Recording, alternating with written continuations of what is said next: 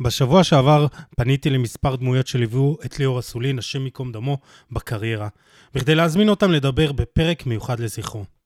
בתור מי שהיה אחד השחקנים ששיחקו עם ליאור הכי הרבה משחקים, פניתי גם לאוהד כהן, שוער העבר. אוהד רצה להשתתף מאוד בפרק ולהוקיר את זכרו של חברו, אבל ביקש מספר ימים נוספים בכדי לעכל את הבשורות הקשות. סיכמנו לדבר השבוע ולקיים את הרעיון, כשהנפש קצת נרגעה והכוחות מעט חזרו. הכאב אמנם לא נשכח, אבל הוא כבר מוכר. פתיח ומתחילים.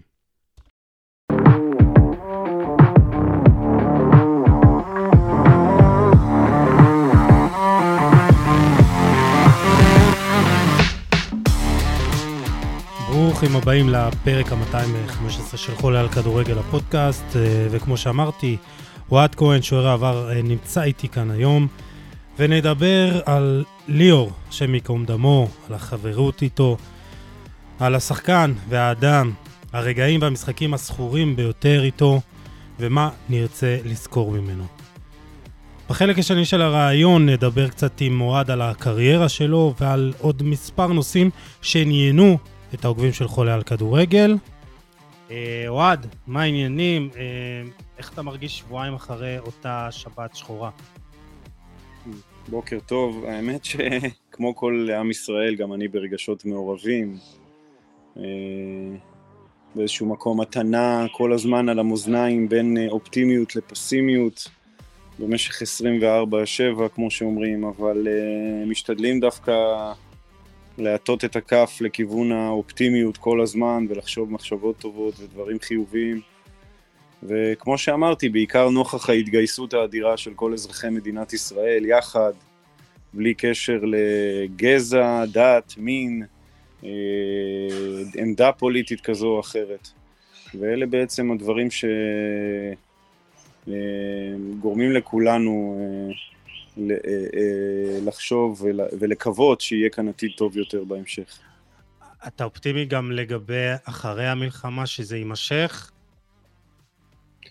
אה, תראה, זה, זה, אני, אני לא מגלה פה איזה סוד שאני בעצם אומר שלדעת כולם החיים לא יחזרו להיות מה שהיו במדינת ישראל מכל מיני בחינות. אה, אני לא חושב שמישהו יודע מה יהיה אחרי בדיוק, אבל אה, זה ברור לכולם שזה לא יחזור להיות מה שהיה. אני משתדל לחשוב שיהיה יותר טוב מהרבה בחינות. גם כמובן מבחינת הביטחון. המכה הזו שקיבלנו כשלא היינו מוכנים, אנחנו לא נהיה באותה סיטואציה, אני נוטה לחשוב שאנחנו לא נהיה באותה סיטואציה שבה יתפסו אותנו חלילה וחס שוב עם המכנסיים למטה. אה, ומבחינה כלכלית וחברתית אני חושב שאני מקווה שהדברים השתנו. אה, הסערה הפוליטית שהייתה פה בתשעה חודשים האחרונים לדעתי אה, תקבל נופח אחר, אחדות של כולם. אני, אני, אני, מקווה, אני מקווה ומייחל לזה. עוד פעם, אין לי גרנטי לזה ואף אחד לא יכול לתת לך תעודת ביטוח לעניין הזה, אבל כולנו מקווים שאנחנו נהיה יחד במלחמה ואחריה לעוד הרבה שנים.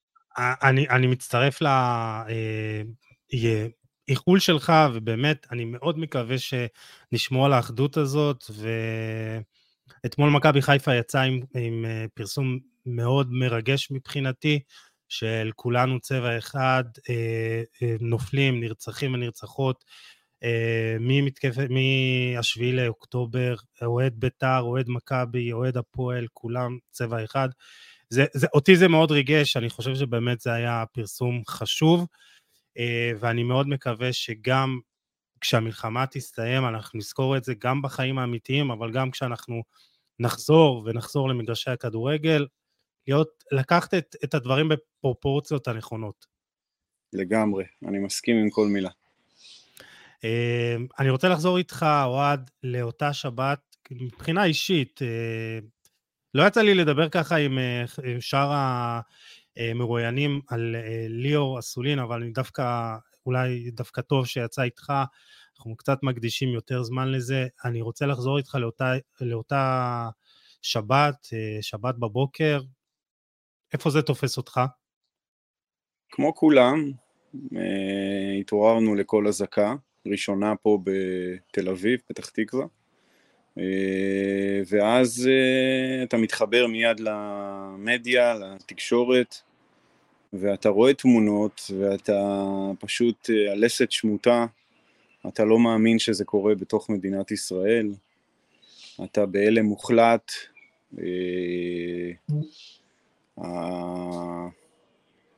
הביטחון הזה, התחושת עוצמה מיד הופכת להיות איזה מין חרדה תהומית, אה, בעיקר אה, לגבי מה שיהיה והעתיד שלא ידוע, אבל אה, רגעים מאוד מאוד קשים, מאוד מאוד קשים. אני חושב שזה רגעים קשים לכל אדם בישראל באשר הוא, כן? אבל אני חושב שלהורים, ואני עכשיו מדבר בתור אבא לילדים, אלה רגעים מאוד מאוד קשים כשאתה רואה את המראות ואתה רואה את הילדים ואתה רואה את הנשים, אתה... אני, אני כל חיי גדלתי, אתה יודע, למדנו היסטוריה בבית הספר, ולמדנו על מלחמה כזו או אחרת, אבל אף אחד מאיתנו לא חווה אותה בצורה כזאת. אני יליד 1975, אה, אני אוטוטו מתקרב לגיל 50, אני לא חשבתי שאני לעולם אחווה אה, או אראה מראות שבעצם דיברו עליהם איתנו בתור ילדים בשיעורי היסטוריה. והנה זה קרה. כן, אני, אני חושב שביום יומיים הראשונים, אני מדבר לפחות מבחינתי, לא, אה, לא ידענו שזה אסון כזה עצום. כלומר, ממדי האסון, המספרים, הזוועות ו- וכל הסיפורים נחשפו אלינו אט אט, וזה גם המספרים רק עולים. אתה יודע, ב- ביום יום הראשונים זה היה 100, 200, ופתאום אתה אומר 300, 500, אתה אומר כפול, אתה מתקרב ל-1,500 נרצחים ונרצחות, והראש עדיין לא קולט מה שהיה. אני לא חושב שאנחנו נקלוט עוד הרבה שנים את מה שהיה כאן. זה מספרים לא נתפסים, זה, זה באמת, זה משהו, תראה, תראה זה, אין, אין, לי, אין לי אפילו את המילים הנכונות לבטא כזה דבר, זה... כן. זה משהו שהראש עוד לא מעכל, אתה לא, לא מצליח להבין מה קרה פה באמת, וזה, המוח האנושי, לא חושב שהוא מסוגל לעכל כזה דבר ביום, יומיים, שלושה ואפילו בחודש. כן. זה בלתי נתפס, פשוט בלתי נתפס, במונחים של מה שאנחנו מכירים ויודעים, זה בלתי נתפס. אה, לגמרי. אה, טוב, אני רוצה שנדבר על ליאור, ואני רוצה להזכיר למי שמאזין לנו ואולי לא שמע את הפרק אה, על ליאור, פרק 213, זה היה הפרק הכי קשה ועצוב ומרגש שהקלטתי, אז באמת תאזינו לו, זה הפידבקים שקיבלתי עליו מאוד ריגשו אותי, ושמחתי לפחות שאת הקטע הזה הצלחתי להעביר את המסר על איזה, ליאור, איזה בן אדם ליאור היה, ואני רוצה לקחת אותך לרגע הראשון שאתה שומע שליאור נהדר, שליאור היה במסיבה בקיבוץ רעים ומחפשים אותו. יש לי צמרמורת עכשיו שאתה מדבר איתי על זה.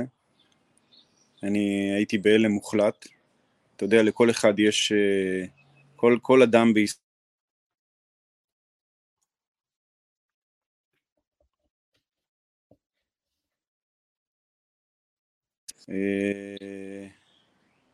קיבלתי את הידיעה הזו ברגשות מעורבים, מצד אחד אה, דאגה מאוד גדולה, אה, חרדה מאוד גדולה, בתקווה שליאור יצא מזה בחיים, ומצד שני, אתה יודע, זה ליאור, זה כדורגלן מהיר, מטוס, אחד כזה שברח מכל בלם, מכל שמירה, עם הצעדים הקטנים והמהירים האלה, עם העוצמות של הגוף, ובאמת, באמת אמרתי לעצמי, אין סיכוי שמישהו יתפוס אותו שם. אם הוא צריך לרוץ, אם זה ליאור, אין סיכוי שמישהו יתפוס אותו, ואחר כך ששמעתי, אני, ממה שאני יודע לפחות, שזה לא היה ריצה, אז הבנתי. כי אני בטוח במיליון אחוז, במיליון ומה, שם, שם את כל מה שיש לי על העניין הזה, שאם ליאור היה צריך לרוץ ולברוח, אף אחד לא היה תופס אותו. כן. באמת אה, נדבר על איזה, איזה סוג שחקן הוא היה, אה, ובאמת אה, ברגע שאתה מקבל את החדשות הכואבות והמרסקות האלה, איך אתה מרגיש? תראה, אתה, כשאתה מקבל ידיעה כזו על אדם שהוא בעצם ישב איתך, היה, בילה איתך שנים, זה... אתה חווה מעין אובדן כזה שהוא לא ברור, זה מזעזע לך את ה... מזעזע לך באיזשהו מקום את, את התחושה הזו שכאילו באמת הכל פה בסדר. זאת אומרת שאתה חווה את זה, אני, אני כמובן להבדיל אלף אלפי הבדלות מאותם אנשים שחוו אובדנים, אצלי זה מדובר בחבר, אבל עדיין אתה, אתה אומר לעצמך, איך... המקום איך... שלנו פה לא בטוח. כן, איך יכול להיות? כאילו, איך יכול להיות? זה אדם שישב איתי לאכול, שיחקתי איתו, התאמנתי איתו, ישב איתי בחדר ההלבשה, דיברנו, צחקנו יחד, בכינו יחד. זה, זה, זה, ו, ו, ופתאום הוא איננו, זה, זה, זה לא נתפס, זה, אני, אני לא יכול להסביר את זה. זאת אומרת, אין, אין לי, אתה יודע, זה מעין, יש לך מסך שחור בראש, יש לך פשוט, יורד לך איזה וילון שחור כזה, ואתה לא רואה כלום. אתה לא מסוגל לייצר אפילו איזושהי מחשבה לגבי העניין הזה. אני חושב שאני, שה, שהתחושות האלה, אני שותף בעצם לתחושות של הרבה אנשים. כן. שאיך זה יכול להיות, איך זה יכול להיות. ובאמת, אה, כמו שאמרתי בפתיח, לא, לא היית מסוגל לדבר בשבוע שעבר. לא, לא. לא הייתי מסוגל לדבר כי, כי א', זה לא התעכל, ב', הייתי במצב, אני חושב כמו כולם, מצב אה, נפשי מאוד מאוד קשה. אה, גם הידיעה על ליאור, גם המראות בטלוויזיה, גם התחושות ש... החרדה וה... והחשש.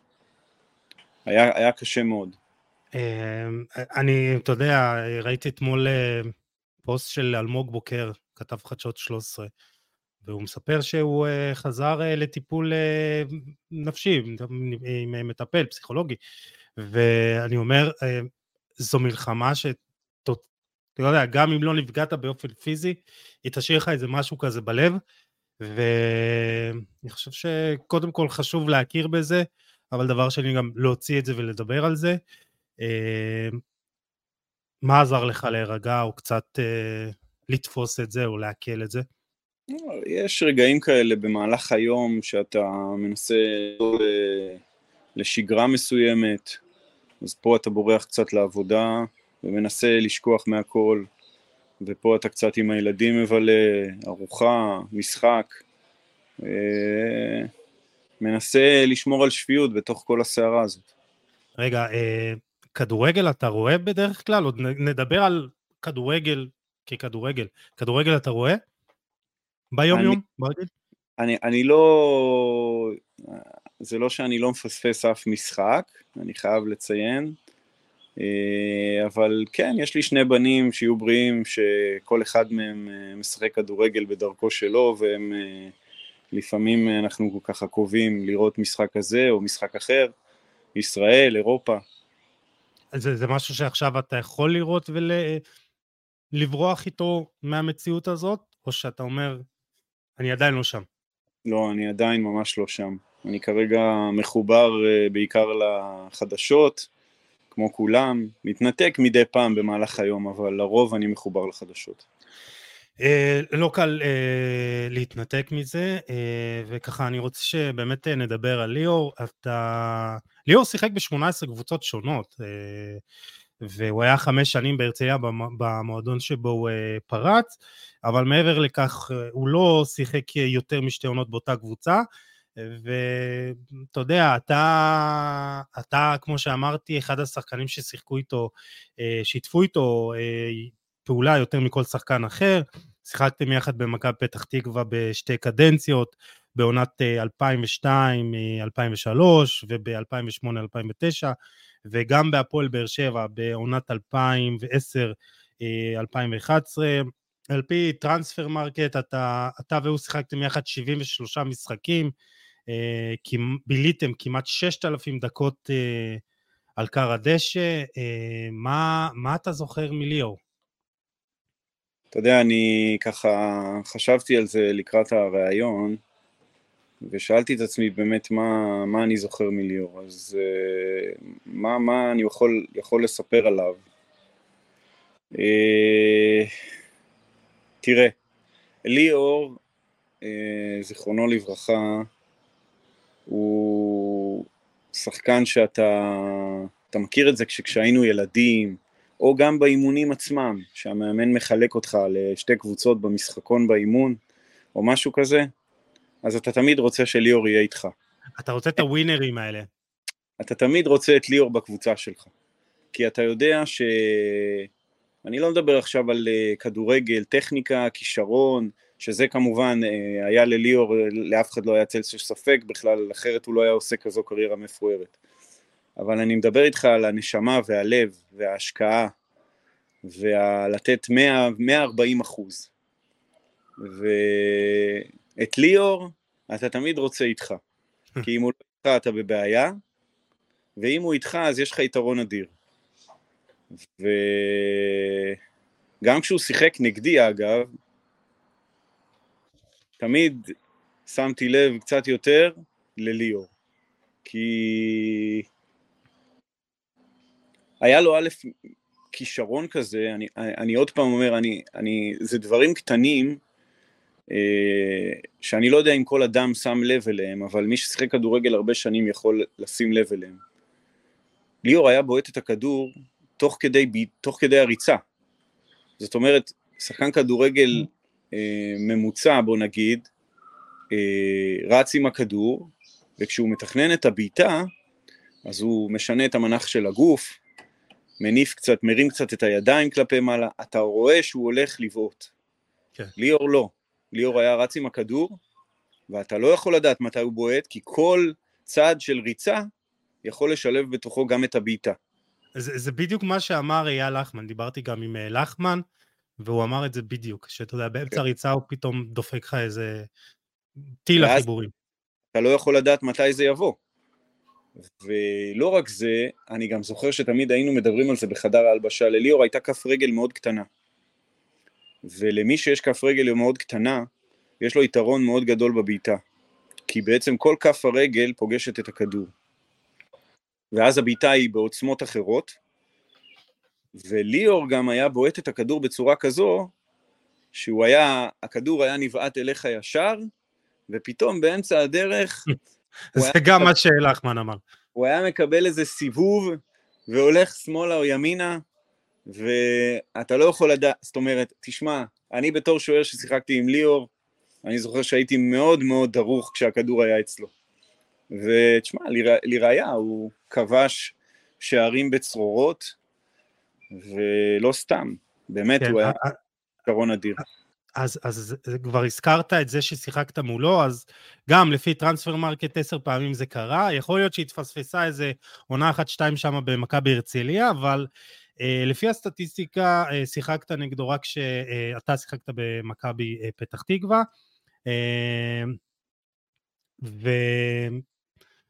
ניצחת אותו שש פעמים, הוא ניצח שלוש, היה תיקו אחד, ומתוך שבעה שערים שספגת מול הקבוצות שהם שיחקו של ליאור, כמה שערים ספגת ממנו? וואו, תגיד לי אתה, אני לא, דברים כאלה אני לא... אז הנה, ארבעה שערים מתוך שבעה uh, uh, שערים של הקבוצות שלו, זה היה שער בהפסד uh, של מכבי פתח תקווה לסכנין, שער ניצחון בשתיים אחד של ביתר וצמד בשתיים אחד של בני יהודה על מכבי פתח תקווה. בקיצור, אתה, אתה זוכר אולי את המשחקים האלה? תשמע, היו, אני, אני... שיחקת מעל 400 משחקים בקריירה, אז אתה יודע. כן, זה קצת, קצת קשה לזכור, במיוחד שגם עברו כל כך הרבה שנים מאז שפרשתי, אתה יודע, זה כן. קצת קשה. אבל אה, אה, מה שאתה אומר מסתדר לי מצוין, עם, כן. עם, עם כל מה שדיברתי עליו לפני כן. היה מפחיד, אתה אומר, לשחק מולו. לגמרי, לגמרי. אמ, ואני רוצה לקחת אותך לקדנציות, כי שיחקת איתו בשלוש קדנציות שונות.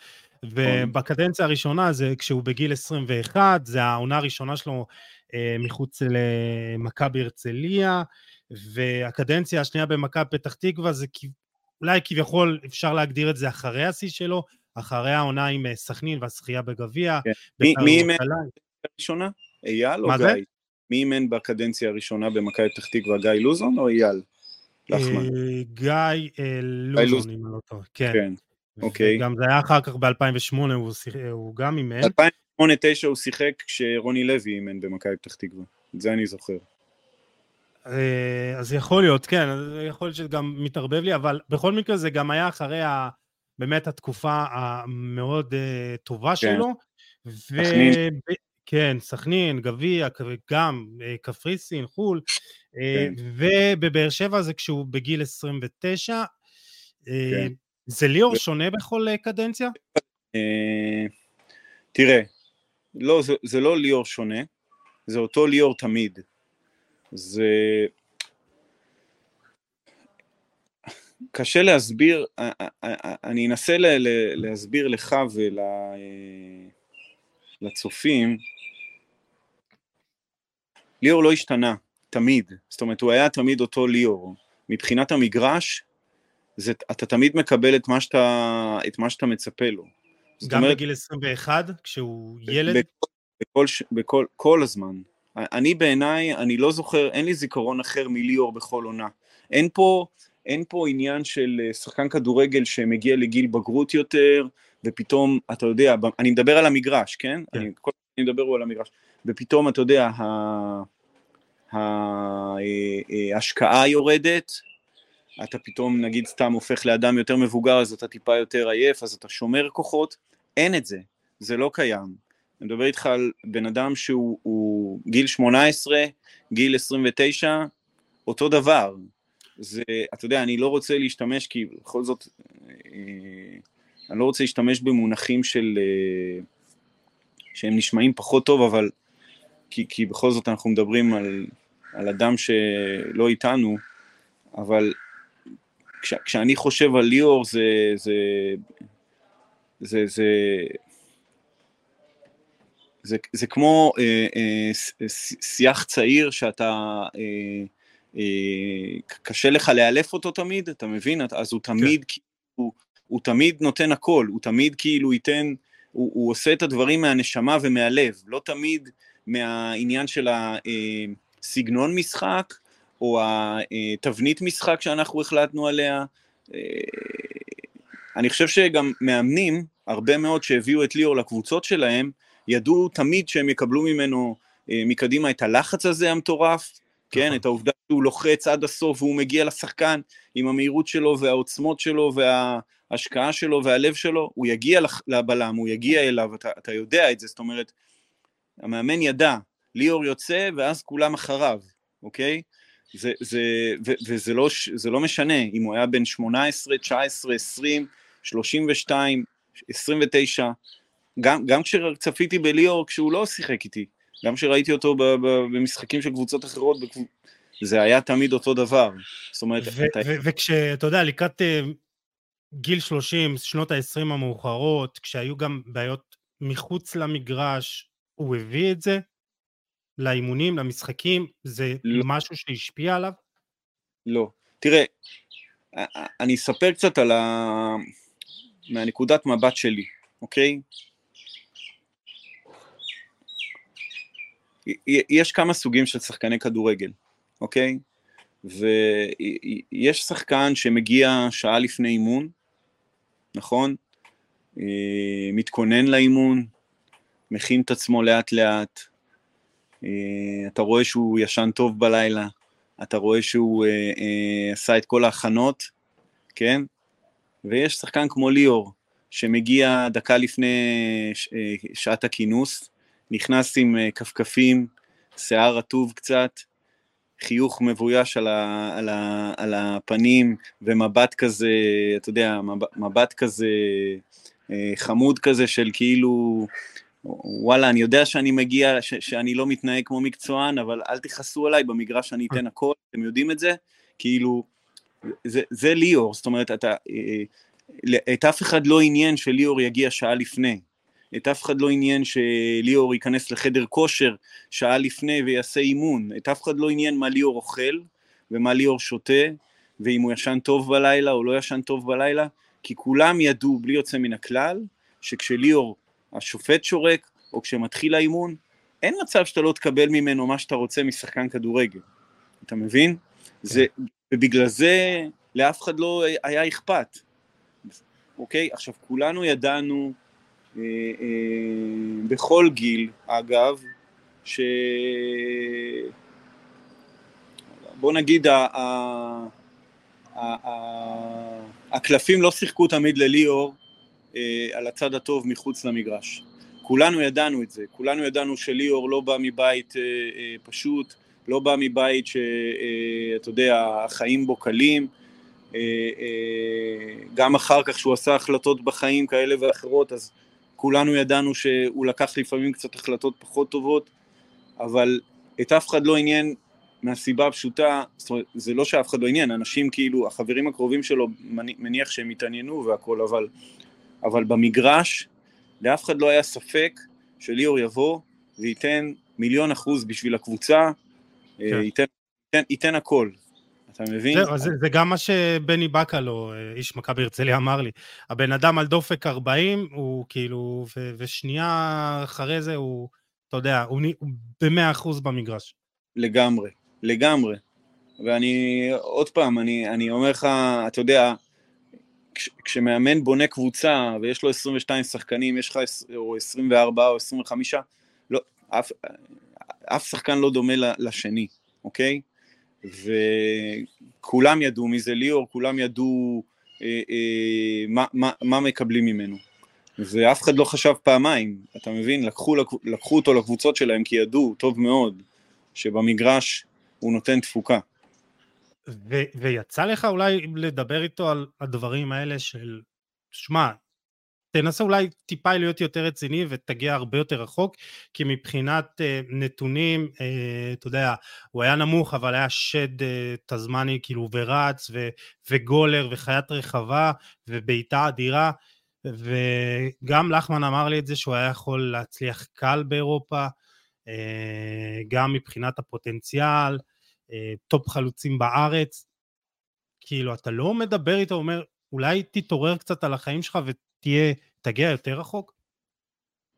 תראה, אה, היו לנו במהלך השנים פה ושם שיחות, אה, דווקא, לאו דווקא על ה...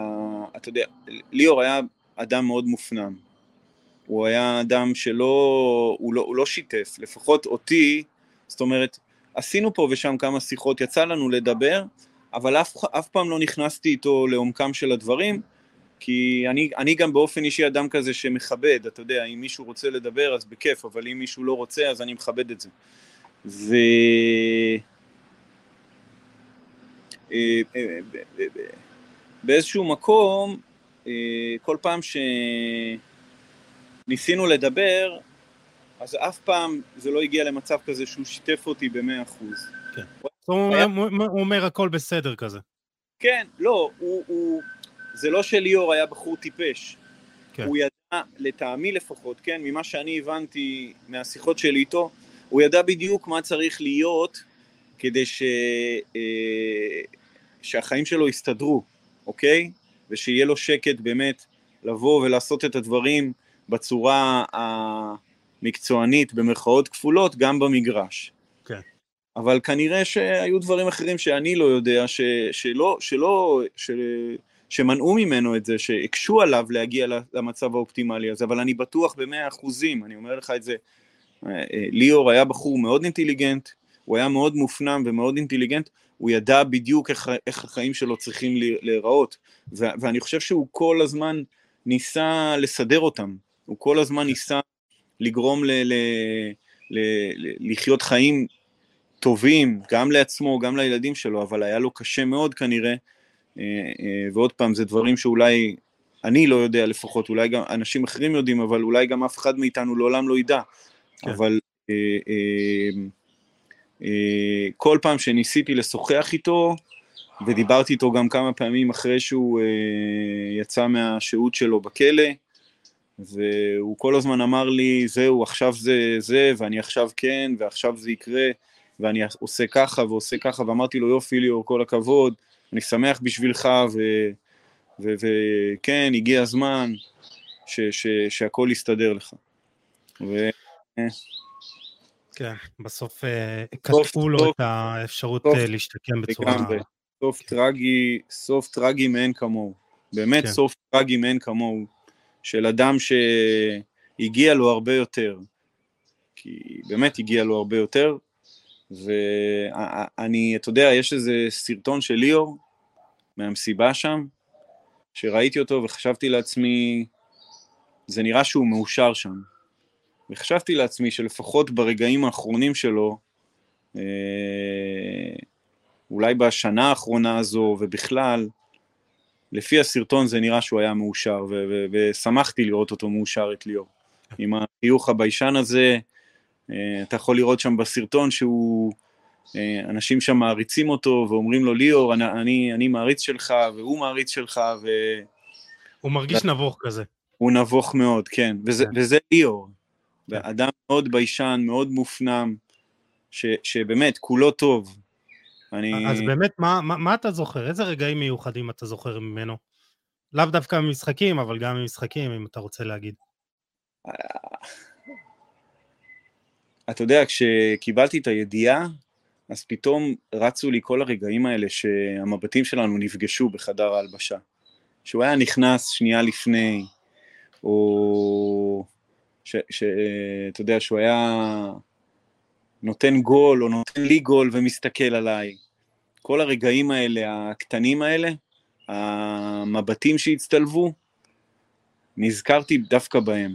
לאו דווקא באיזה גול, או באיזה בישול, או באיזה פעולה כזאת או אחרת. כל הזמן רץ לי בראש הרגעים האלה שבהם, אתה יודע, ישבנו יחד, הוא פתאום נכנס לחדר הלבשה ומתיישב ומסתכל עליי. הוא ידע לדעתי תמיד שגם אני מצפה ממנו קצת, לקצת יותר מחוץ למגרש. אז תמיד כשהוא היה נכנס לחדר הלבשה, אה, הוא היה מסתכל עליי באין מבט כזה ביישני ומופנם, אה, עם, עם החצי חיוך הזה. קבעת, קבעת איתו לעשות קצת חיזוקים לפני האימון והוא לא בא? כזה כזה? לא, ליאור לא צריך חיזוקים לפני האימון. ליאור היה מחזק את כולנו באימון עצמו. אבל uh, אני חושב שהוא ידע תמיד שכאילו, אתה יודע, אני, אני באיזשהו מקום הקפדתי על הדברים הקטנים, וליאור הקפיד על הדברים הקטנים באימון, רק לא מחוץ לאימון. כן. ובגלל זה כשהוא היה נכנס, אז הוא היה ככה זורק איזה מבט אליי כזה של כאילו שאני האבא והוא הבן, שכאילו, אתה יודע, אני יודע, אבא, זה לא בדיוק מה שאתה מצפה ממני, אל תכעס עליי, אבל זה לא, לא תמיד תלוי בי. וזה באמת מה שהיה, אתה לא יכולת לכעוס עליו. הוא היה נותן לך את המבט הזה, ואתה מיד היית נמס, כן. וזהו, ו- ואין כלום כאילו, זה לא, זה עובר לך בשנייה. ודווקא אה, אלה נזכרתי, כשקיבלתי כן. את אז, אז דיברתי גם על זה על, עם לחמן וגם עם גיא אזורי, ששניהם ידועים במאמנים שדורשים אה, מהשחקנים שלהם הרבה, וכאילו זה, זה, זה היה מסוג, אה, ליאור באמת היה מסוג השחקנים שהיו מוותרים להם, כי, כי אתה יודע, הוא, הוא נותן את מה שצריך והוא מחויב, והוא ייתן את הכל על המגרש, והוא הולך מה שהמאמן ידרוש שהוא ייתן. אה, וזה, אתה יודע, זה, זה יפה שדווקא מאמנים כביכול מאוד מאוד... אה, אה, אמרת שהוא היה עם רוני לוי, נכון? איך זה היה עם רוני לוי? אני חושב שעם גיא אזורי ורוני לוי, כן. גיא, גיא גם אימן אותנו. בבאר שבע, כן.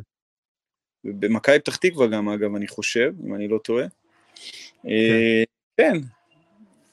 היו שתי, אני, אני חושב שדווקא הקדנציה הראשונה של ליאור הייתה יותר טובה במכבי פתח תקווה, גם שלי אגב, כן. יחד הקבוצה הצליחה יותר, ודווקא ב, בתקופה עם רוני במכבי פתח תקווה, וגם uh, העונה בבאר שבע הייתה עונה פחות טובה, גם לי אישית, כן. וגם לקבוצה כולה. אה, משחקים מיוחדים שאתה זוכר איתו? אני לא, אני, אני אגיד לך את האמת, אני... אה, קשה לי מאוד להיזכר, קשה לי מאוד. קשה טוב, לי מאוד. יש שאלה אחר כך על הקריירה שלך, איזה משחק אתה זוכר, אז עד שנגיע אליה תנסה לזכור איזה משחק הכי גדול שלך בקריירה, סגור? טוב, אני אנסה. אה, הזכרת את הפועל באר שבע, וככה עשיתי, כשעשיתי גוגל אה, ליאור אסולין ואוהד כהן, אה, הגעתי לכתבה שסיימתם את הקדנציה שלכם באותו יום נכון. באר שבע. שנכנסתם נכון. לשיחה אצל אסי רחמים והודיעו לכם נכון. שאתם לא ממשיכים, 11 נכון. לחמישי 2011. אתה כן. זוכר את זה? בטח. Uh, תראה, באופן טבעי גם אני וגם ליאור הגענו לקבוצה בתור שני שחקנים בכירים מאוד, uh, וציפו מאיתנו להרבה. Uh, והעונה הזו הייתה עונה פחות טובה לכל הקבוצה, וגם לי באופן אישי, אני לא, לא מסתיר את זה ולא לא, לא, לא מנסה להתחמק מזה, ו, וגם לליאור, ובאיזשהו מקום, אתה יודע, שחקן לא מקומי, שחקן בכיר שהם מביאים מבחוץ, משלם את המחיר לפני כולם, ובאיזשהו שלב, בהפועל באר שבע באותה עונה, בסוף העונה, הגענו למצב כזה שכבר, אתה יודע, דגדג כבר לכולם להתחיל לסדר את העונה הבאה. אז באיזשהו מקום אה, קיבלנו את ההודעה הראשונים, ממש ראשונים, שאנחנו לא ממשיכים, וזה היה בסדר גמור, אף אחד לא, אני, אני באופן אישי, אני לא יודע מה עם ליאור, אני לא ציפיתי למשהו אחר, אה, ידעתי שזה יקרה, זה היה די צפוי, וסיימנו, פשוט קיבלנו את ההודעה באותו יום, נכנסנו לאסי וקיבלנו את ההודעה באותו יום, והמשכנו הלאה. אחרי זה זה בעצם הפעם האחרונה שאתם משחקים ביחד, או גם אחד נגד השני. אמ, שמרתם על קשר רציף? כן, אה, לא, לא משהו יומיומי או חודשי, אבל אה, אח, אחת לכמה זמן, בעיקר אה, אני חושב כשאני עוקב אחרי מה שקורה עם ליאור, ומדי פעם כותב לו, מתקשר אליו,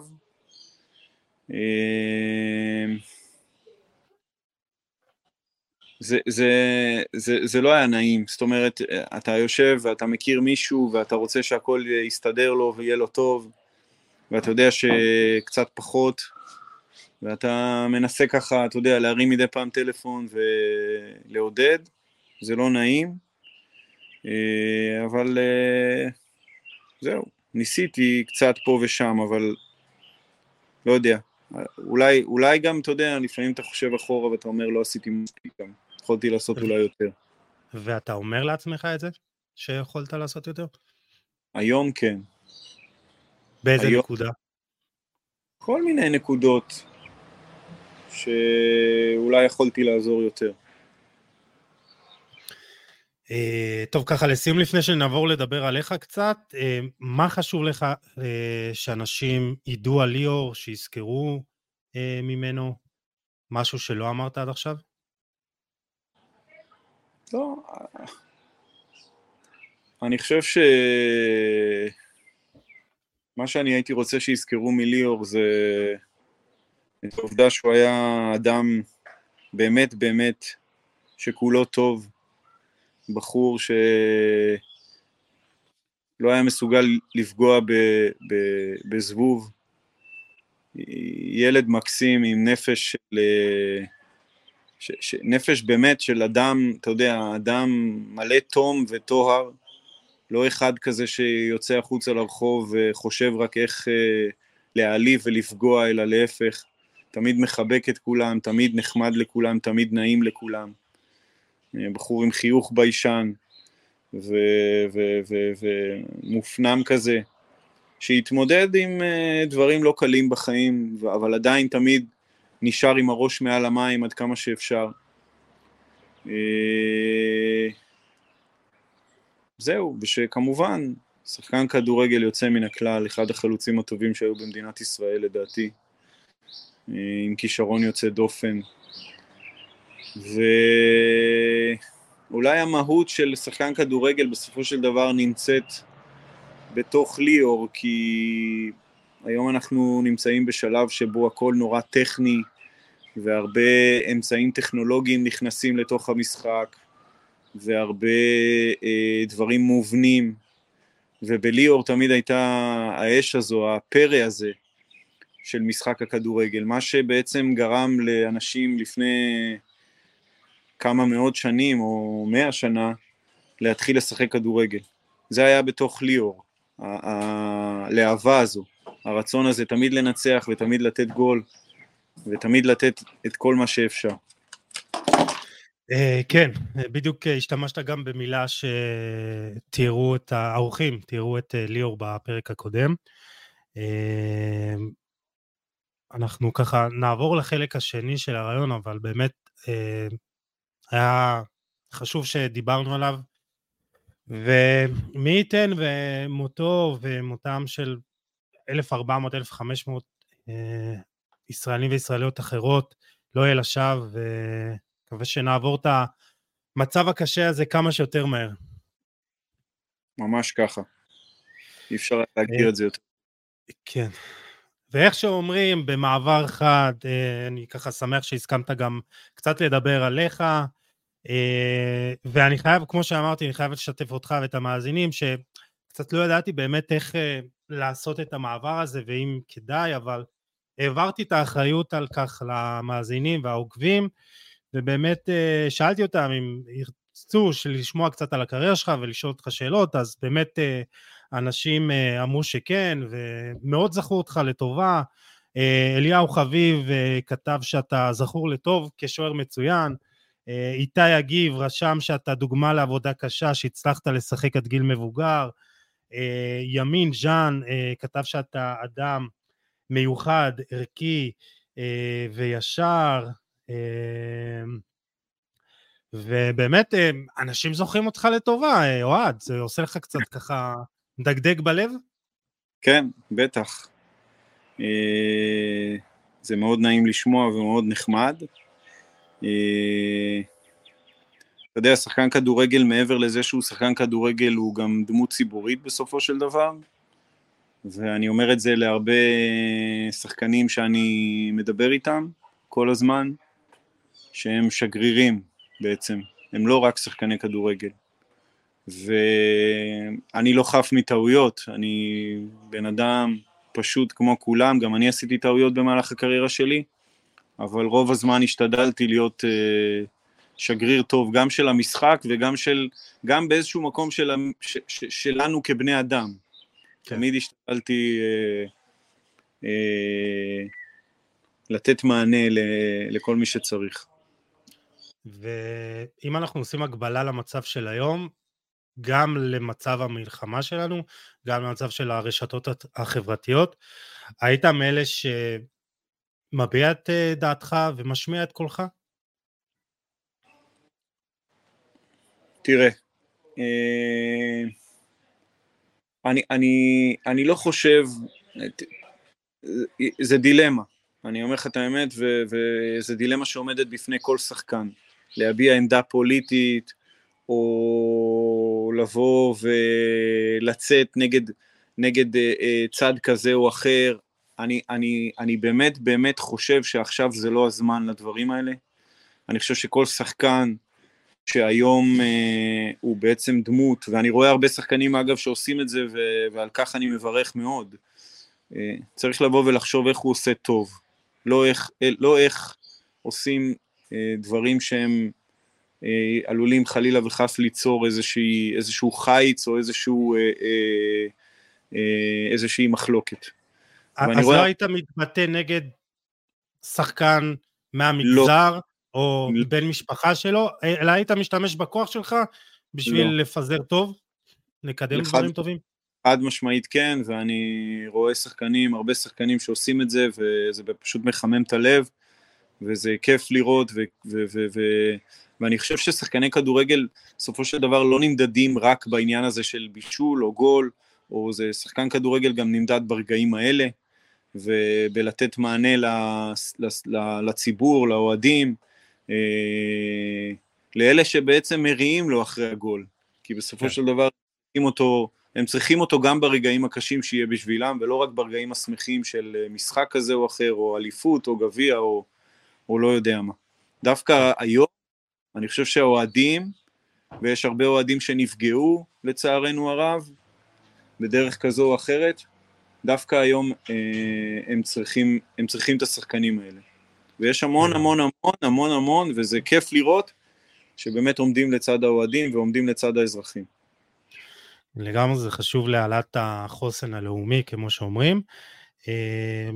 אה, נדבר קצת עליך, פרשת ממשחק פעיל בגיל 41, אה, רגע לפני גיל 41, אה, במאי 2016, אחרי 34 שנות קריירה, 22 שנים כשחקן בוגרים, מעל 400 משחקים בליגת העל, אה, גדלת במכבי פתח תקווה, היית שם, אה, עלית שם לבוגרים ושיחקת במרבית הקריירה בשלוש קדנציות שונות.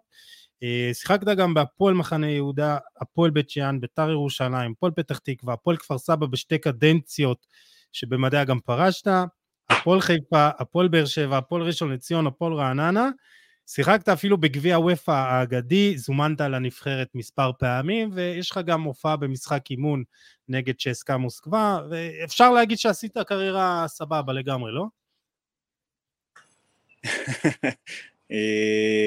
אה, אני חושב שאם כבר אנחנו, דיברת על, ה, על העובדה שליאור שיחק בלא מעט קבוצות, אז אני חושב שהוא היחידי שאולי שיחק יותר ממני בלא מעט קבוצות, גם אני עברתי כברת דרך.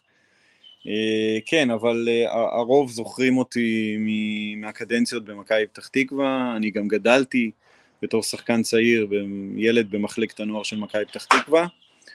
אה, כשעליתי לבוגרים דברים פחות הסתדרו שם, ואז יצאתי לאיזה דרך, ואז הייתה הזדמנות לחזור, וחזרתי לשמחתי הרבה אגב, ועשינו, הייתה קדנציה של שמונה וחצי שנים, שבמרביתן היו שנים מאוד מאוד טובות למכבי פתח תקווה, אה, ואז המשכתי הלאה, אה, לטייל בארץ ישראל, וזה היה כיף דווקא. תשמע, מצפון ועד דרום. כן, זה היה דווקא כיף, הכרתי המון המון אנשים נחמדים והמון אנש, אנשים טובים, ויש לי מכרים מכל הארץ בזכות העובדה ששיחקתי בכל מיני מקומות, ו... אני אגיד לך את האמת במבט לאחור, אתה יודע, תמיד אתה חושב מה יכולת לעשות יותר טוב ומה יכולת, אולי איזו החלטה פה, החלטה שם שהייתה משנה את התמונה, אבל בסדר, אני שלם עם זה, ופרשתי, כמו שאמרת, בגיל מאוד מאוחר, מאוד רציתי לשבור... וגם רצית עוד להמשיך לשחק, לא? כאילו, רצ... אמרת להם או שאני שוער ראשון או שאני מפסיק. כן, אני מאוד רציתי דווקא לשבור שיא. אני גם דווקא אז בזמנו, אני זוכר שבדקתי את העניין הזה, לפני שפרשתי בדקתי את העניין הזה אה, בהיסטוריה של הכדורגל הישראלי, ולדעתי מי ששיחק הכי, בגיל הכי מבוגר בישראל בליגה מקצוענית זה היה יעקב אסייג, השוער, ואני מאוד מאוד רציתי לשבור את השיא הזה, אה, ואני חושב שגם יכולתי, אבל אה, הפועל כפר סבא החליטה באיזשהו מקום שאני כרגע ללכת איתי לעוד שנה בליגת העל, הייתי בן, באמת בן 41, חששו מאוד שאני אפצע, אז uh, חששו לשים את הקלפים כולם עליי. ו... ולא הסכמת להיות שוער שני או לשחק ליגה לאומית? האמת שאני חייב לספר, אם כבר אנחנו, אתה יודע, יש, אה, יש, אה, יש חוק התיישנות על, על, על סיפורים, אז מבחינתי... בתור עורך דין, עוד מעט נגיע, כן. עברו שבע שנים מאז שפרשתי, אז אפשר, אפשר לפתוח הכל. לא, אני אמרתי להם, חבר'ה, אין בעיה, אני אהיה שוער שני, ואתם תראו שתוך חודשיים אני שוער ראשון, והם מאוד חששו מזה. הם מאוד, הם אמרו שאף שוער שהם יביאו, כשיש לו, כשיש לו אותי בתור שוער שני, אה, יהיה לו קשה מאוד להצליח או לתפקד. אז פשוט החליטו יחד, כאילו נורא רצו גם שאני אצטרף לצוות המקצועי ועשיתי את זה לשנה אחת, ואז החלטנו בהחלטה משותפת באמת שאני אודיע על פרישה. אבל אני מבחינתי, גם אם הייתי נשאר שוער שני, ידעתי שאני אהיה שוער ראשון. אגב, אני, אני אומר את זה במבט לאחור, ואני לא טיפוס שמפרגן לעצמי יותר מדי, אני לא איזה, אני לא אוהב להחמיא לעצמי, אבל דווקא ב... אני חושב שבשנים האלה באמת הייתי בכושר מצוין. הייתי דווקא בכושר מצוין, והייתי גם במצב מנטלי מאוד טוב, אני חושב שהניסיון של המון המון שנים מאוד הקל עליי במשחק עצמו. ו- ו- ולא חשבת שאתה... לא רצית לשחק במקום אחר? ליגה לא, לאומית? לא. רציתי, רציתי לפרוש אה, מהליגה הבכירה בישראל. כן. רציתי, רציתי, לא הסכמתי לחזור לליגה לאומית כי רציתי ש... אה, לפרוש גם בגיל מאוד מאוחר וגם מהליגה הבכירה בישראל. אז פרשתי כאילו, פרשתי בהפועל כפר סבא כשהם שיחקו בליגת העל, אבל כן. לא בגיל הכי מאוחר, לא, לא שברתי את השיא מבחינת הגיל. תשמע, אתה עכשיו אה, בגיל 48, כאילו היית יכול עכשיו, אם היית שומר על עצמך, גם לשחק אה, ליגה לאומית אה, א' כזה? כאילו, אתה, אתה מרגיש שאתה יכול? האמת שעכשיו אני לא שם אפילו בראש, כי אתה יודע, בסופו של דבר כן. שחקן כדורגל צריך להיות גם בראש מיינדד לזה, ואני היום נמצא במקום אחר לגמרי. יפה, יפה מאוד. אבל תשמע, כמו שאמרתי, עשית קריירה לא רעה. ויש כמה אה, שאלות של עוקבים שאני אשלב לך במערך הזריחה, לא ארוכה מדי, אל תדאג. אה, דור רומנו אה, שואל על מכבי פתח תקווה של אז, שהייתה קבוצה מאוד קשה להכניע, מה היה סוד, מה היה סוד הקסם שלה, והאם לא היית מבואס כל כך שאתה יודע, לא היו הרבה אוהדים? אה, אני אתחיל מהשאלה הראשונה. סוד הקסם של מכבי פתח תקווה באותה תקופה היה שילוב של כמה דברים. אה, אחד, מאמן מצוין, גיא לוזון, שהיה בתחילת דרכו, ואני אסביר תכף למה הדברים הסתדרו עם גיא אה, גם מבחינת חדר ההלבשה. גיא היה בחור מאוד צעיר, וכשהוא אימן את מכבי פתח תקווה, וכולנו די היינו קרובים אליו בגיל. חלקנו, אגב, אני אפילו אשתף באיזושהי אנקדוטה, אני למדתי עם גיא בכיתה ב... בבית ספר. וגיא היה, אה, דיבר עם כולנו בגובה העיניים. עכשיו, מעבר לזה שהוא היה מאמן מצוין וטקטיקן מצוין, והיה לנו חדר הלבשה באמת מיוחד, יוצא דופן, של חבר'ה צעירים שבאו, שכולם גדלו ממכבי פתח תקווה, רובם, שבאמת שיחקו, אתה יודע, יש איזה קלישאה כזו, אבל באמת שיחקו בשביל הסמל. מכבי פתח תקווה בשבילנו, אתה יודע, גדלנו על הסמל הזה, גדלנו על, ה... על, על, אה, על החולצה הכחולה,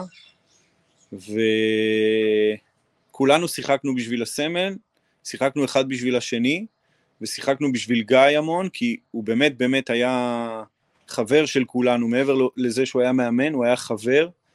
זה, זה סוג יחסים כזה אחר עם מאמן, היה דיסטנס, אני לא אומר שלא, אבל עדיין ידעת ש... אה, אתה יודע, אנחנו מדברים במונחים של מלחמה, אבל יצאת לקרב וידעת שיש מישהו מאחוריך. גם אם תעשה טעות או כזו או אחרת, יש מישהו שיתמוך בך. וגיא נתן לכולנו את התחושה הזאת, לכל אחד מאיתנו. אה, אני בכוונה כרגע מדבר על עניינים יותר מנטליים ופחות כדורגל, כמובן שמבחינת כדורגל, שמע, אה, אה, שיחק, באנו מוכנים לכל משחק ברמה של, ברמה של 120. זאת אומרת, באנו וידענו, הכרנו, היינו לומדים, אני, אני לא אשכח את זה, אספות על גבי אספות במהלך כל השבוע, למדנו את היריבות שלנו מכף רגל ועד ראש, ובאנו מוכנים לכל משחק, ואני חושב שבזמנו גם אה, ספגנו מאוד שערים, מעט מאוד שערים, וגם ניצחנו לא מעט משחקים. היה, הייתה איזה, אה, זו הייתה כמה, כמה שנים עם גיא, שממש בכל שנה התקדמנו עוד שלב.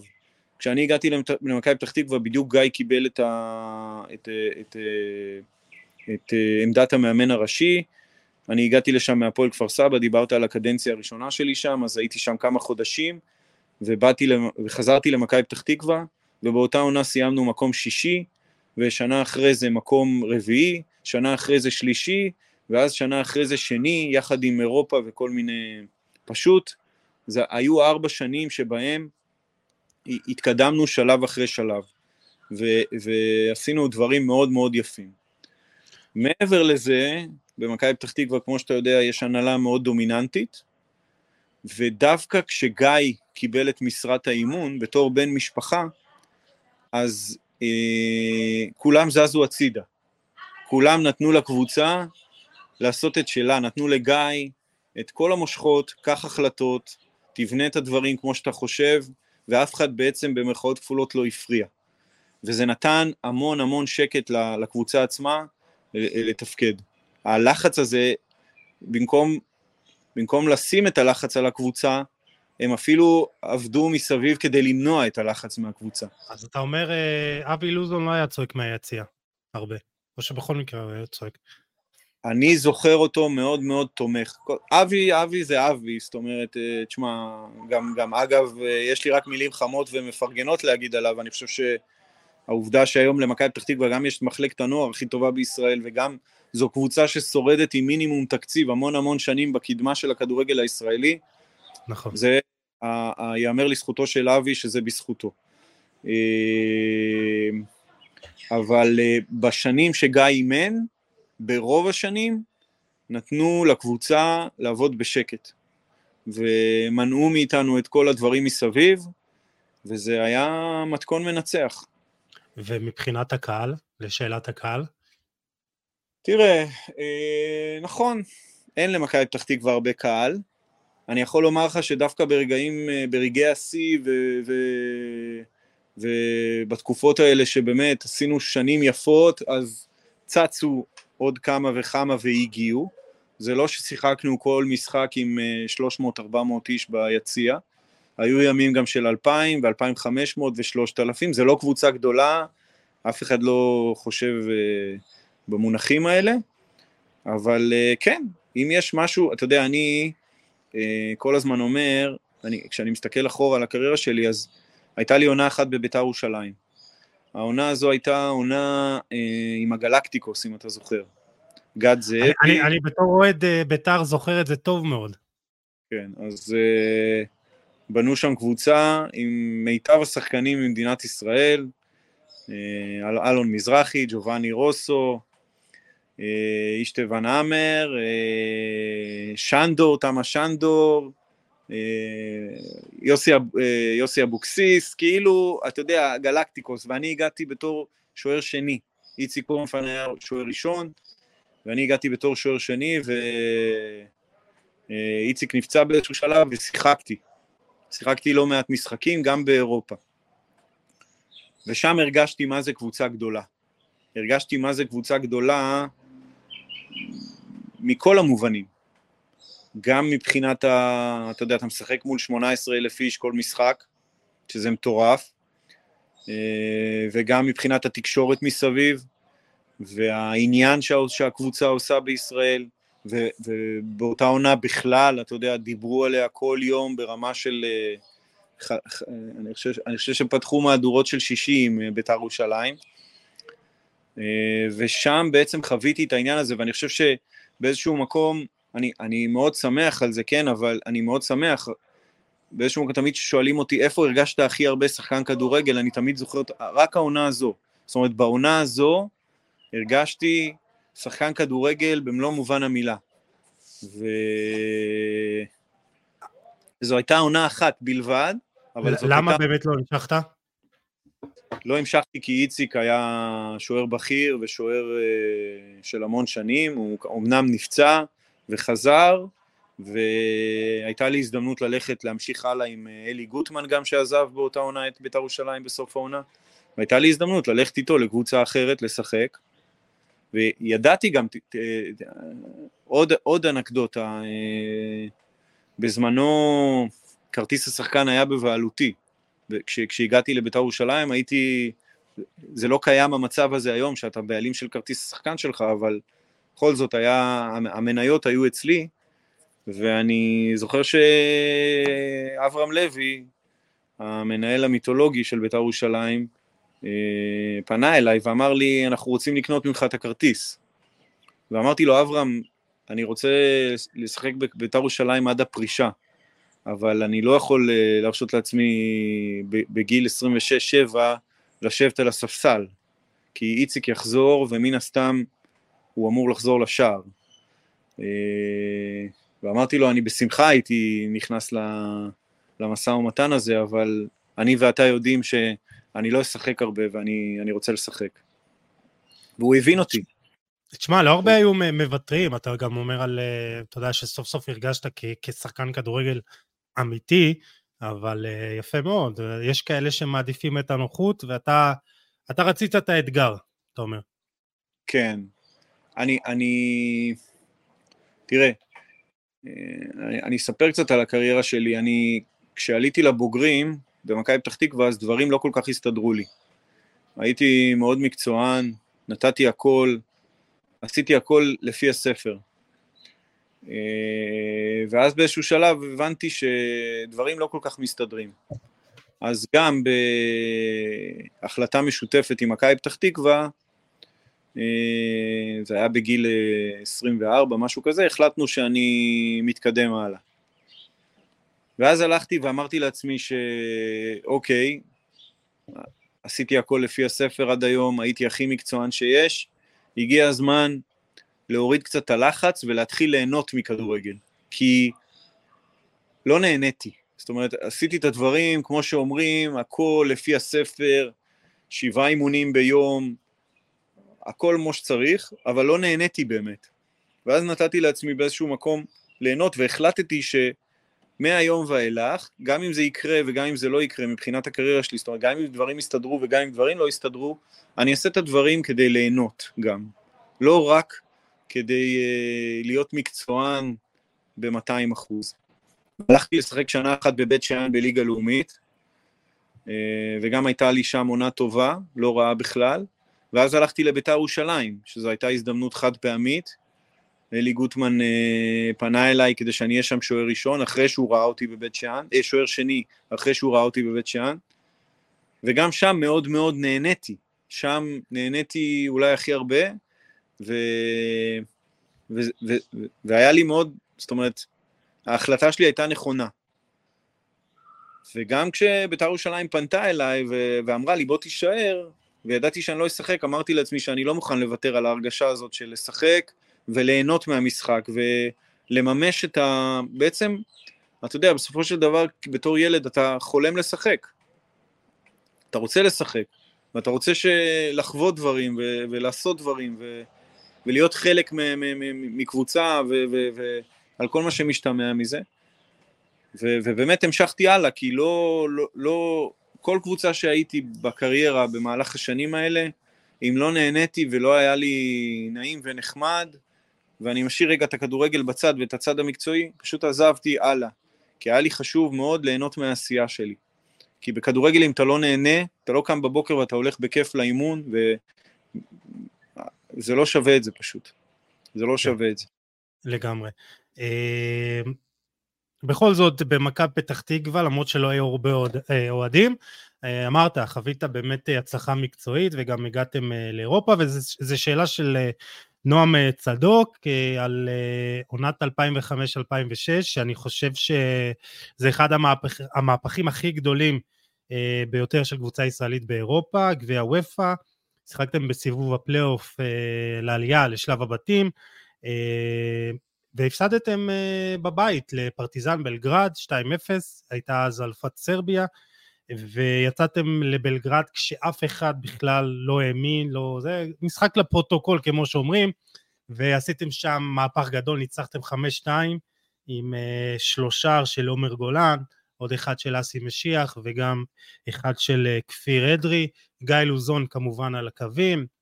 אה, בקיצור, אה, תספר לי על אותו ערב בבלגרד. אני חושב שאתה אמרת שאף אחד לא האמין, וזה לא מדויק. אתם האמנתם. אנחנו האמנו מאוד, עד כמה שזה יישמע אה, מצחיק. אגב, זה לא, לא בגלל שזה, זו, זו הייתה הדרך שלנו אז. תמיד לבוא לכל משחק ולהאמין שאנחנו יכולים לעשות הכל, ואתה יכול לראות את זה גם, ב, זה, זה באופי של גיא, אתה יכול לראות את זה גם היום.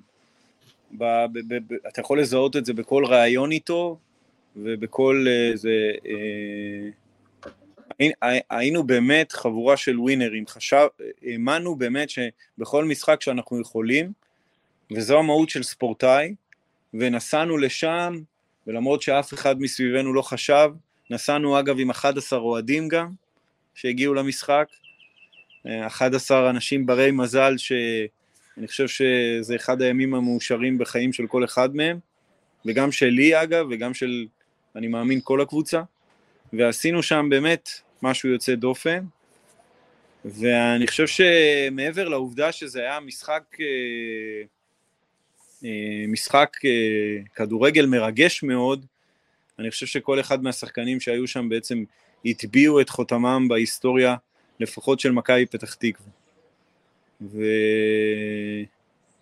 ואתה יודע, בתור ילד אתה גדל במכבי פתח תקווה ואתה נקשר למועדון ולקבוצה, והיא חלק ממך בסופו של דבר, וכשאתה נקשר למקום אתה תמיד שואל את עצמך מה אני יכול לתת בשבילו, מה אני יכול לעשות בשביל המקום עצמו.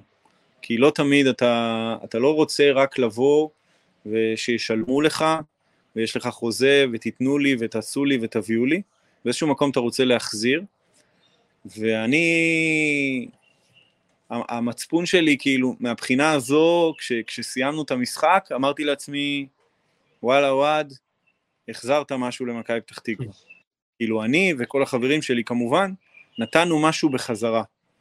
אה, נתנו את הרגע אולי הכי מאושר לכל אוהד במק... של מכבי פתח תקווה, ונתנו רגע היסטורי למכבי פתח תקווה, כל מי שהיה שם אגב, בלי יוצא מן הכלל.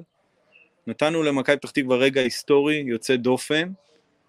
אה, אני כמובן מאחל להם שיעשו את זה שוב פעם מתישהו, אבל אה, אני הרגשתי באותו רגע שהחזרתי משהו, וזה היה לי חשוב בתור מי שגדל שם כל החיים, וגדל והתחנך אצל המון המון המון אנשים טובים ומאמנים טובים, ש... שגם היו חלק מההצלחה הזו. אני פגשתי לא מזמן את אה, אה, איציק זלצר, אח של זאביק, אה, ישבנו יחד באחד המשחקים של מכבי פתח תקווה של הבן שלי, ו...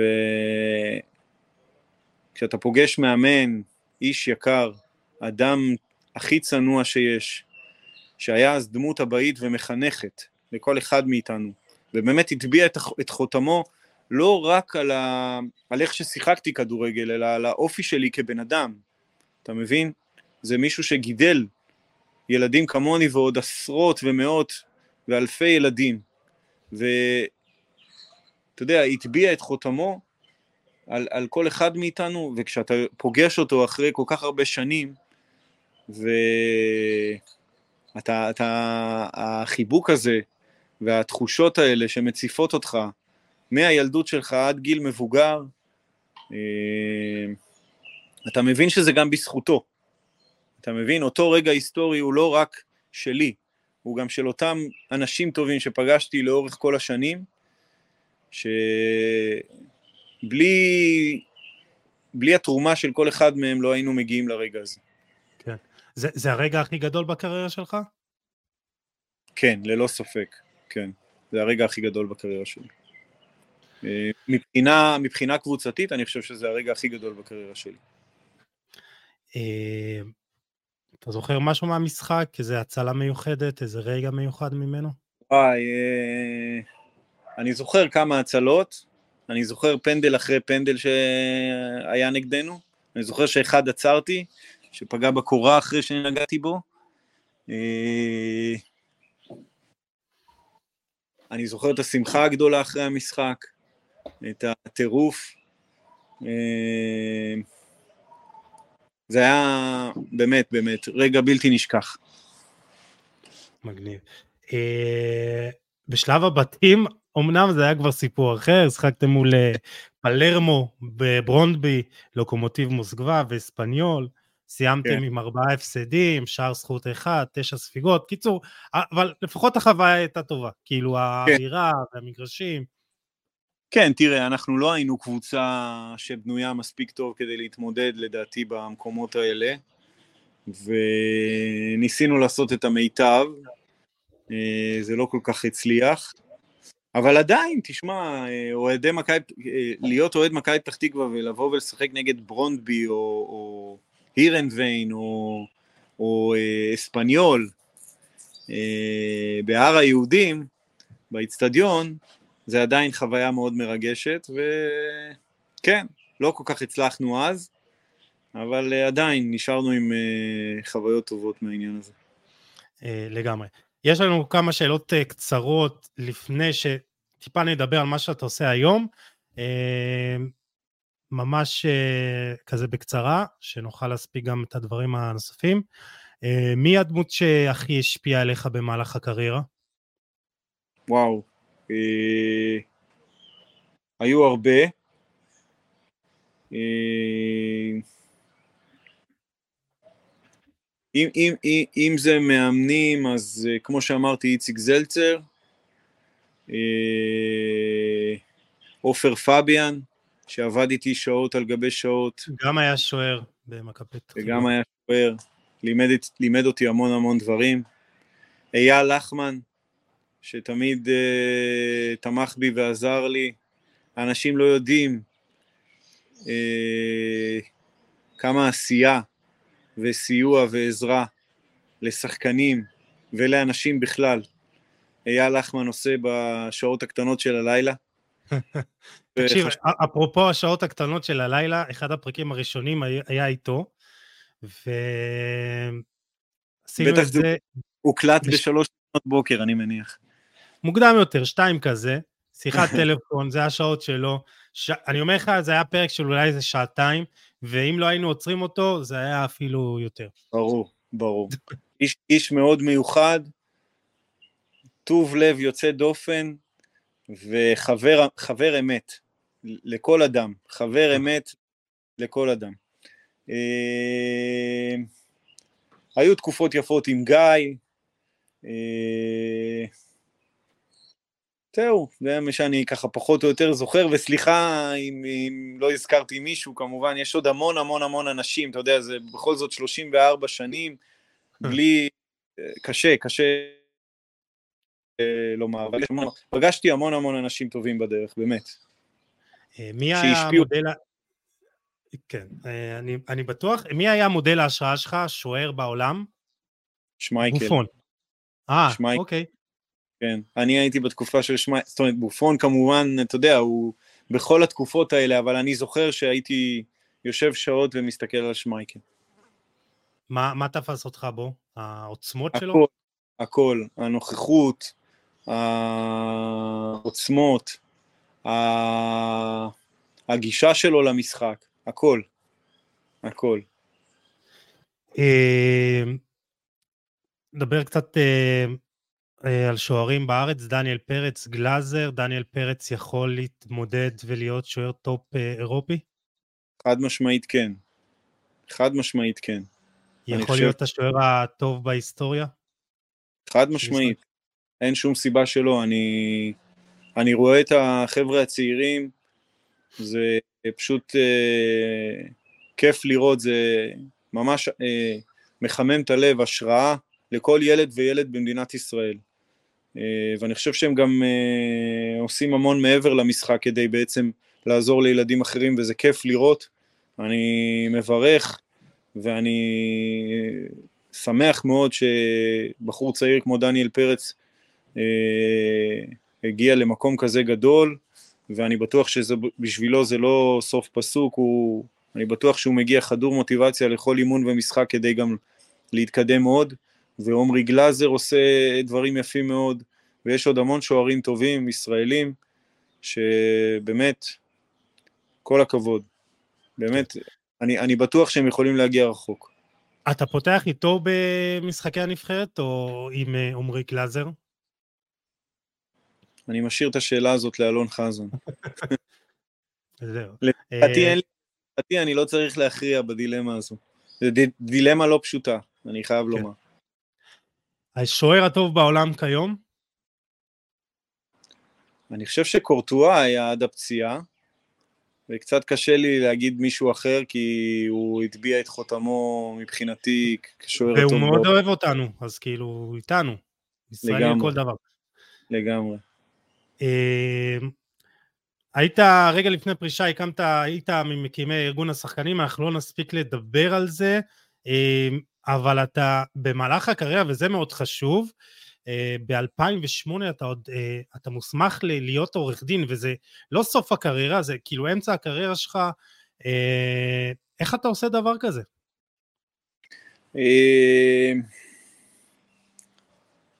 אני, אצלי בבית חינכו תמיד שכדורגל זה אחלה ונחמד, אבל צריך גם, לה... יש רגע שבו, אתה יודע, אתה, אתה לא יכול לשחק עד סוף החיים, ושם אתה צריך בעצם להתחיל לעשות דברים אחרים,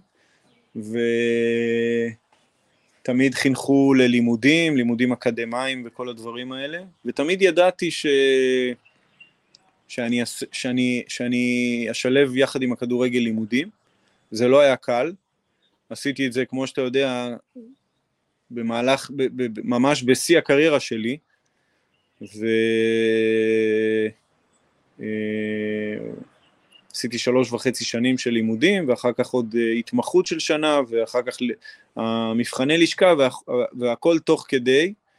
אה, סתם עוד אנקדוטה, אני יכול לספר לך, נוסעים למשחק מכריע בקריית שמונה עם מכבי פתח תקווה, איפשהו ב-2007-2008, ואני יושב בספסל האחורי עם ספרים ולומד לבחינות לשכה. לא פשוט, לא היה, לא היה קל, אבל לשמחתי זה הצליח. ואגב, אני כן. אומר, כל, כל שחקן שאני, אני, אני לפחות, אתה יודע, אני מנסה, לא תמיד זה מצליח, אבל כל שחקן צעיר, שאני יושב ומדבר איתו, ויוצא לי גם לעבוד איתו, גם בתור מי שמייצג, אני אומר לו, לך תלמד, יש לך המון זמן במהלך היום. היום, אני, אני יכול לומר שבתקופה שלי זה היה קצת שונה, היום הכדורגל הוא הרבה הרבה הרבה יותר מקצועני. זאת אומרת, שחקן כדורגל יש לו סדר יום אחר ממה שהיה שלי. אני יודע שלצורך הדוגמה, במכבי חיפה, מגיעים בבוקר והולכים אחר הצהריים הביתה. זה לא היה בתקופה שלי. בתקופה שלי היית בא שעה לפני אימון, הולך, עושה אימון והולך הביתה. זאת אומרת, זה היה טווח שעות של ארבע שעות, כולל הנסיעה נניח, אם אתה גר רחוק, אבל עדיין, זה ארבע שעות, וזה משאיר לך עוד עשרים, פחות שעות שינה, לעשות המון המון דברים אחרים. ולי אז הייתה... אז אתה ניצלת אותם ללימודים. יפה, אז אני אמרתי שאת הזמן הזה אני אשקיע בדברים אחרים. היום אני יודע ששחקן כדורגל באמת צריך להשקיע הרבה הרבה יותר שעות, אבל עדיין אני אומר, מי שרוצה ובאמת באמת יש לו רצון, יכול להצליח ולעשות דברים אחרים, ואגב, יש המון המון המון שחקנים שמודעים לזה היום, ומבינים את זה, ועושים את זה, ויש המון המון שחקנים שאני יודע שהם לומדים, ומכינים את ה... אתה יודע, מכינים את הקרקע לקראת הפרישה באיזשהו שלב, שבה הם יוכלו, יצטרכו uh, להתפרנס באופן אחר. אה, זה מצחיק כי כשעשיתי את החיפוש בגוגל הגעתי לכתבה הזאת בוויינט שאתה מוסמך להיות עורך דין ובאותה כתבה אה, סופר שאתה בהמשך השבוע אמור אה, לטוס לבלגיה ל... ולקוות לחתום בסרקל ברוז' כאילו מה לא עבד שם? ואולי פה גם נכנסת השאלה של אם אתה מרגיש שזה פספוס מסוים בקריירה. תראה, אני חושב שיש מעטים מהשחקנים בכלל שלא מסתכלים אחור וחושבים, אולי פה הייתי צריך לקחת החלטה כזו, אולי פה הייתי צריך לקחת החלטה אחרת. אה, היו לי לאורך כל הקריירה הצעות מקבוצות אחרות. בתקופת השיא שלי במכבי פתח תקווה אני יכול להגיד גם שהיו הצעות מקבוצות כמו מכבי תל אביב והפועל תל אביב, שהיו אז קבוצות גדולות מאוד, יחסית כמובן למכבי פתח תקווה. אה, אבל זה לא קרה, מכל מיני סיבות. אה, וגם העניין הזה של סרקל ברוז' בסוף לא קרה מכל מיני סיבות. אה, אם אני מרגיש פספוס, לפעמים, אתה יודע, אתה יושב וחושב עם עצמך, אם הייתי לוקח פה אולי החלטה אחרת או פה החלטה אחרת.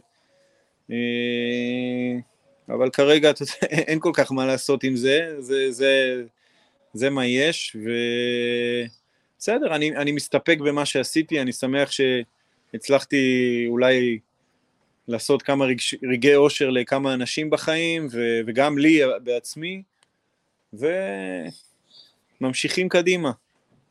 אז הקדימה הזה, אה, סיפרת שגם היית מאמן שוערים שנה אחת בהפועל כפר סבא, אבל אה, לא המשכת עם זה, והיום אתה עורך דין אה, בתחום הנזיקין והספורט. תחום האימון זה משהו שאף פעם לא קרץ לך, או פשוט העדפת אה, להתעסק בעריכת דין? כן. אה, באיזשהו מקום אה, אה, מאוד, מאוד רציתי אה, אתגרים גדולים, אה, מאוד רציתי אה, לבנות משהו בעצמי, לעשות משהו אחר. מ, מ, רציתי גם באיזשהו מקום, אתה יודע, כל חיי היה כדורגל, מהבחינה הזו ש... שבעצם אתה, אתה עוסק רק בתחום הכדורגל, ורציתי גם לעשות דברים אחרים, רציתי קצת באיזשהו מקום מיציתי את עניין הכדורגל. מיציתי את, את העניין הזה של לקום בבוקר, לנסוע לאימון, לעשות מה שאתה עושה שם, לחזור הביתה, עוד אימון ועוד אימון ועוד אספה ועוד משחק. רציתי גם לחוות חיים אחרים. והייתה לי את ההזדמנות, כי יכולתי באמת uh, להתחיל ולפתח את עצמי כעורך דין, ורציתי באיזשהו מקום, אתה יודע, להיות אזרח מן המניין, לקום בבוקר, ללכת לעבודה, לחזור בחמש. אתה אומר, בלי שבתות, בלי אה, אימונים וכל זה. אגב, השבתות זה גם היה חלק מהעניין. אני באיזשהו מקום, אתה יודע, אני לא יודע אם הרבה אוהדים יודעים ומבינים את זה, אבל שחקן כדורגל מקריב המון במהלך הקריירה שלו, והוא מקריב גם המון רגעים שמחים עם המשפחה, בעיקר אה, רגעים אה, יפים מאוד בסופי שבוע. ששחקן כדורגל צריך, אתה יודע, יש לך משחק ב-6-7 בערב, אז אתה צריך להתארגן, ואתה לא יכול להיות עם הילדים, ואתה לא יכול כל היום לצאת איתם לפארק, או ללכת איתם לים, או ללכת איתם למסעדה, או, או לבלות איתם בסופי שבוע במלון, אתה לא יכול לעשות את הדברים האלה. ובאיזשהו מקום, אה, אתה יודע, רציתי להיות גם חלק מהעניין הזה עם הילדים שלי. לחוות את החוויה הזו עם הילדים שלי הסופי שבוע, וזה גם היה אחד מה, אחת מהסיבות שבגללם החלטתי בעצם אה, לעשות אה, שינוי כיוון ולנסות להתמקצע כעורך דין. טוב, אז לא הלכת רחוק מדי ואתה הלכת לאיזה כיוון פלילי, אתה בתחום הנזיקין אוקיי. והספורט, ואתה גם, יש לך לקוחות כדורגלנים וכאלה. נכון לא מאוד. אי אפשר להתנתק לחלוטין, מה גם שכאילו, אה, אני חושב שיש לי יתרון מכל עורך דין אחר, בזה שאני הייתי שם, ישבתי בחדר ההלבשה המון שנים, ואני מכיר ויודע, ויכול אה, לעזור לשחקן גם בדרכים אחרות, להבין אותו, אה, בתור מי שחווה את זה, שהיה במקום שלו, וכמו שדיברת על עניין של ארגון השחקנים, אז תמיד אה, אה, היה לי איזשהו רצון גם לשפר את מעמד השחקן, לעזור לו, לבנות לו איזושהי אה, אה, מסגרת שתתמוך בו ותעזור לו, גם ברגעים של הפרישה, גם במהלך הקריירה, אה, שתפתח לו דלתות אחרות. ואני מנסה לעשות את זה, מעבר לזה שאני מייצג שחקן, אני מנסה לעשות את זה גם בצורות אחרות. והיום, בהשוואה לפני שבע שנים כשהקמתם את ארגון השחקנים, מעמד השחקן השתפר בצורה דרמטית? אנחנו אני חייב לדייק את העניין הזה ולומר, אני לא הייתי זה מאלה שמקימים את הארגון, היה ארגון שהיה קיים כשאני נכנסתי לתמונה יחד עם עוד כמה חברים טובים, אה, אה, מיכאל זנדברג, דן רומן, אה, מי עוד? כל מיני שחקנים טובים שהיה להם חשוב לשמור על הזכויות של השחקן, ובעצם מה שעשינו זה צירפנו את ארגון השחקנים להסתדרות העובדים הכללית, שם הם מקבלים מעטפת מאוד מאוד גדולה, גם מבחינת ייעוץ משפטי, גם מבחינת אה, אה, זכויות אחרות. אני אה, כרגע לא חלק מזה, אה, בעצם ברגע שראיתי שהשחקנים נמצאים בידיים טובות, אז אה, ידעתי שאני את שלי עשיתי ואני יכול להתקדם הלאה. אה, וכרגע השחקנים, לפחות לפי מה שאני יודע, נמצאים במקום קצת יותר טוב. אני מקווה. כן, אני שמח, ואולי ככה לסיום, ונעשה איזה אולי סגירת מעגל עם מה שפתחנו איתו, אני חושב שאחד המקרים, גם עוד מקרה מזעזע שקרה באותה מסיבה ארורה, זה המקרה המצער של בן בנימין, שחקן מ"ס קריית ים, הוא נפצע בצורה קשה מאוד באותה, באותו אירוע, הוא וזוגתו. ורגלו נקטעה, ואתה יודע, גם אה, קריירת המשחק שלו. הוא לא ישחק יותר כדורגל, לפחות אה, לא באופן אה, מקצועני, וזאת בגיל 29. אתה בתור עורך דין, איך, אתה יודע, איך ממשיכים משם? אתה יודע, מבחינה מנטלית, מקצועית, כלכלית? תראה, כמו שאמרת, זה מקרה מאוד מאוד מצער. אבל אני לפחות שמח מהראיונות שקראתי עם בן ואין לי היכרות אישית איתו. קודם כל אני מאחל לו בריאות וחזרה לשגרה הכי מהר שאפשר. לפחות לפי ראיונות שאני קראתי, בן אדם מאוד אופטימי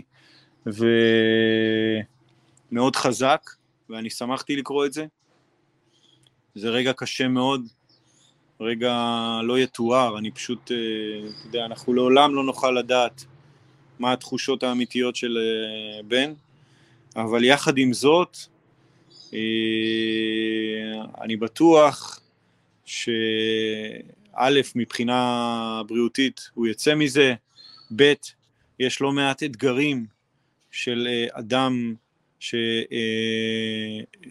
שמאבד חלק מהגוף שלו כמו רגל, יש לא מעט אתגרים כספורטאי שהוא יכול לתרום בהם, אה, גם בשבילו, כי בסופו של דבר, אתה יודע, הרגל נגדעת, אבל הנפש נשארת אה, אותה נפש של אדם שרוצה לעסוק בספורט ולנצח. אה, ואני בטוח שאם בן יחליט הוא גם יכול להצליח במקומות אחרים. אני ראיתי שהוא כבר קיבל זימון לנבחרת הפראלימפית של, של הכדורגל. נכון. ו... אני חושב שהוא יצא עוד יותר חזק מהרגעים האלה ו... וימשיך קדימה ויעשה המון המון דברים שיסבו לו אושר ואני, תשמע, אני, העובדה שהוא בחיים זה, זה נס גדול וצריך להסתכל על הנס הזה כמתנה מאלוהים ולהמשיך הלאה. אה, לגמרי. אה, שמע, זה היה פרק אה, אולי המיוחד והשונה ביותר ש, שיצא לי לעשות. אה, כל כך הרבה דברים, וככה, אני, אני קודם כל מודה לך שהסכמת אה, לדבר על הכל בצורה הזאת, וככה לקפוץ מנושא לנושא, אז אה, אני מאוד מעריך את זה, ואני מאוד מקווה שאנשים גם אה, ימצאו את הפרק הזה מעורר השראה. אה, וככה אולי גם מחדש, אז uh, תודה לך, אוהד. בשמחה, ואני כמובן מאחל uh, לכל עם ישראל שנדע ימים טובים, ושנצא מה, מהמלחמה הזו מחוזקים יותר, והכי חשוב, שנחזור להיות ביחד. לגמרי, לגמרי, אז ככה אנחנו עושים עוד סגירת מעגל ממה שהתחלנו, עם ככה באמת שמירה על האחדות. אוהד כהן, תודה רבה. סליחה? שבת שלום, תודה, תודה. שבת שלום, ואנחנו ניפרד מהמאזינים שלנו, אה, תודה שהייתם אה, איתנו, מוזמנים כמובן לתייג, לשתף אה, ולהאיר את עינינו, ואנחנו ניפגש בפרק הבא עם עוד תוכן מעניין ואיכותי. תשמרו על עצמכם, ונסיים עם עם ישראל חי.